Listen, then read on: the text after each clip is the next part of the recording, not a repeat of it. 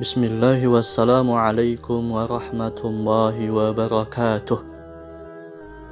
Kemudian adab yang berikutnya adalah tidak bersikap sombong kepada orang yang berilmu dan tidak bertindak sewenang-wenang terhadap guru. Bahkan ia harus menyerahkan seluruh urusannya kepada guru dan mematuhi nasihatnya seperti orang sakit yang bodoh mematuhi nasihat dokter yang penuh kasih sayang dan mahir. Hendaklah pula ia bersikap tawaduk kepada gurunya dan mencari pahala dan ganjaran dengan banyak-banyak berkhidmat kepadanya. Al-Imam Ash-Sha'bi bercerita, Zaid bin Sabit radhiyallahu anhu menyolatkan jenazah. Lalu birolnya didekatkan kepadanya untuk ditunggangi. Kemudian Ibnu Abbas segera mengambil kendali birol itu dan menuntunnya. Maka Zaid berkata, lepaskan wahai anak Rasulullah. Ibnu Abbas menjawab, beginilah kami diperintahkan untuk melakukan kepada para ulama dan tokoh. Kemudian Zaid bin Sabit mencium tangannya.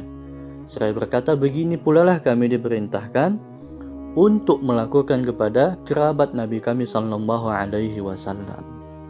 Oleh karena itu, penuntut ilmu tidak boleh bersikap sombong terhadap guru.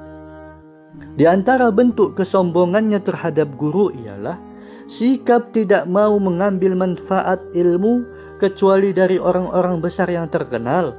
Padahal sikap ini merupakan kebodohan. Karena ilmu merupakan faktor penyebab keselamatan dan kebahagiaan.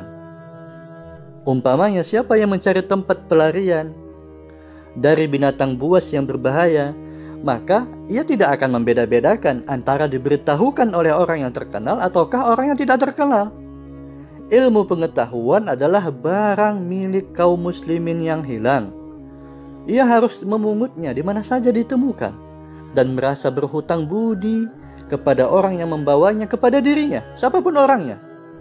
Oleh karena itu dikatakan, ilmu enggan terhadap seorang yang congkak, seperti banjir enggan terhadap tempat yang tinggi.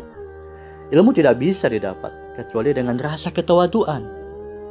Apabila sang guru memberi isyarat kepada murid tentang cara tertentu dalam belajar, maka hendaklah ia mengikutinya dan meninggalkan pendapat pribadinya karena kesalahan pembimbingnya lebih bermanfaat baginya dibanding kebenaran dirinya sendiri.